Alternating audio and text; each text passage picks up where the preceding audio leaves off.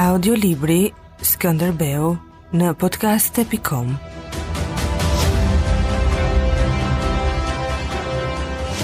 Kapitulli 27 Karaxhabeu u ndal për disa dit në Gjirokastër, ishin fryrë lumenjtë nga shirat që vazhdonin prej një jave. Zenebishtët i bënë Karaxhabeut disa prita, kur arriti në Vjosë, ndau ushtrinë më dysh që të shpejtonte ecjen, njëra kolonë u nis drejt Mallakastrës dhe tjetra drejt Këlcyrës, Të dyja kolonat do të takoheshin në Berat. Marshimit fatkeq të Karaxhait i dha fund një urdhër i sulltanit që e kthente ushtrinë e tij prapë në Thesali, ndërsa vetë Karaxhai kërkohej në Stamboll. Ai besonte se do ta çmonte tokën e vet, të cilën e kishte mbajtur deri në atë ditë larg krahut të sulltanit. Skënderbeu po kthehej në Dibër, kishte mposhtur një rrezik kërcënues duke arritur një fitore të bujshme pa gjak, si në 1448-ën kundër Venedikut dhe kundër Turkut, si më 1448-ën kundër Venedikut dhe kundër Turkut, si në vitin 1452. kur asgjësoi gjashtë muaj Mustafa Pashën dhe Tahip Pashën, duke kapur njërin e duke i prerë kokën tjetrit.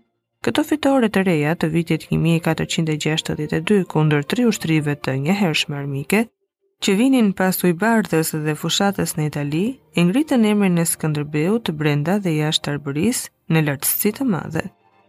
Adhurimi i popullit për të hyri në çdo skut. Një plak i verbër, në Rostush të Dibrës, ia kapi frerin e kalit dhe e përcolli 3 orë deri në Kovarest. Një plak i verbër në Rostush të Dibrës, ia kapi frerin e kalit dhe e përcolli 3 orë deri në Kosovrast. E ke thënë vetë se duhet të përcillet miku, përsëriste plaku kryeneç. Fshatarët s'kishin luajtur vendit me afrimin e luftës, meqë Skënderbeu kishte shkuar përpara, fshatarët e dinin se ai nuk do të kthehej veç me fitore. Tani ata e detyronin të ndalej, qoftë edhe për të pirë një kupë dhallë, dhe nëse nuk ndalej, i vinin përpara duarve bukën e kripën, një rrotull djath, një qingj, i hidhnin në sup një rrobë leshi të punuar me avlëmend për të. Një dhuratë duhej ta pranonte medoemos, Sa më larg të ngrihej Skënderbeu, aq më lehtë u dukej fshatarëve të zbrisnin nga kali, që fëmijët dhe gratë t'i puthnin duart e pelerinën dhe pleqtë t'i mbanin dorën në sup. Skënderbeu habitej me hollësitë që dinin rreth punëve dhe fjalëve të tij dhe në kullat më të largëta. Sipas vatrave, shihte që qëndisje e punëdore, të vetmet stoli të banesës me shqipen e zezë të Kastriotëve, me vetë Skënderbeun, teksa shfaroste ushtrinë e pafundme të armikut me shpatën e zjarrtë të Shën Gjergjit, kryeengjëll. I shkelte këto ushtri me patkonjtë e kalit, i ngrinte në vend me rrufetë që lëshonte nga sytë. Populli kishte filluar të thurte për të mrekulli të paqena, dhe ai mbetej keq kur duhej t'i përgënjeshtronte ato se njerëzit e shikonin me dyshim. Ata besonin atë që kishin në shpirt dhe ishin gati të jepnin prova atij vetë se ashtu kishte ngjarë dhe fyheshin kur kujtonin se ai nuk tregonte të vërtetën. Ai i nënshtrohej me dëshirë shfaqjes së dashurisë së popullit, i gufonte zemra dhe i vetëtinin sytë e gjelbër mbi hundën si shqiponjë. Ditët e ndritshme të lumturisë pasonin gjithnjë betejat. Në ato ditë, i dukej se zbriste rrafsh te populli, prej nga vinte ushtria e tij, e formuar nga bijtë e bujqve dhe të blegtorëve të varfër, dhe sa më lart e hidhte shtatin, aq më thellë i ndiente rrënjët. Si ai detyrohej të bënte edhe rrethi i tij që nuk i pëlqenin ato zbritjet në popull, veshjet prej malësori, të ngrënit dhe të fjeturit ku të mundej jetën e përbashkët me ushtarët, Kështu ndodhte kur dilte nga betejat, pastaj ngrihej ngadalë një mur i padukshëm që rrethonte atë dhe punët e tij, ndërsa kasollet dhe ahuret treteshin në largësi. Por përsëritja e fitoreve të shkëlqyera nuk i sillte tani Skënderbeut lumturinë e dikurshme. Kur mendohej për vitet e shkuara, deri në ditët e Beratit, ai shihte një Skënderbej që përdridhte shpatën majë kalit, ndërsa anash kalonin njerëzit, lumenj fytyrash të kyçura që rendnin drejt fitores ose vdekjes. Deri kur do të vazhdonte kjo?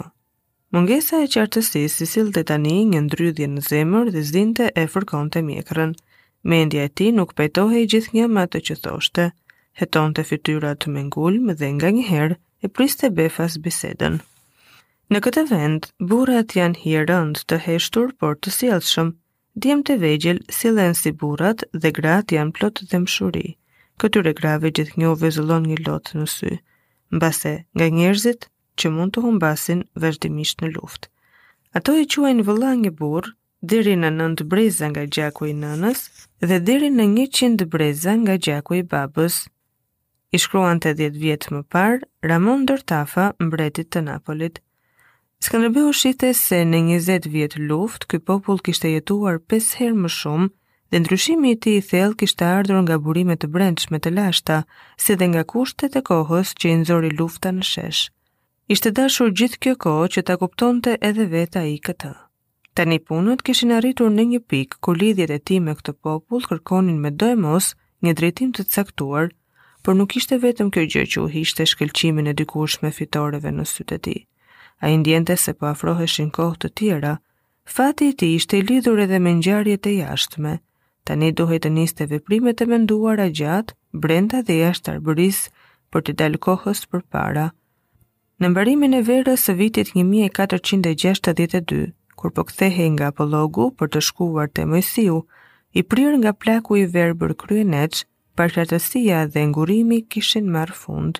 Do të duhej të kalonte edhe një periudhë të shkurtër të ndërmjetme, gjatë së cilës duhej treguar kujdes e durim, pastaj ai do të dilte në fushë të hapur. Në mbarim të shtatorit, Ferdinandi i Napolit kishte thyer përfundimisht kryengritësit. Skënderbeu e përshëndeti me topat e Krujës këtë fitore.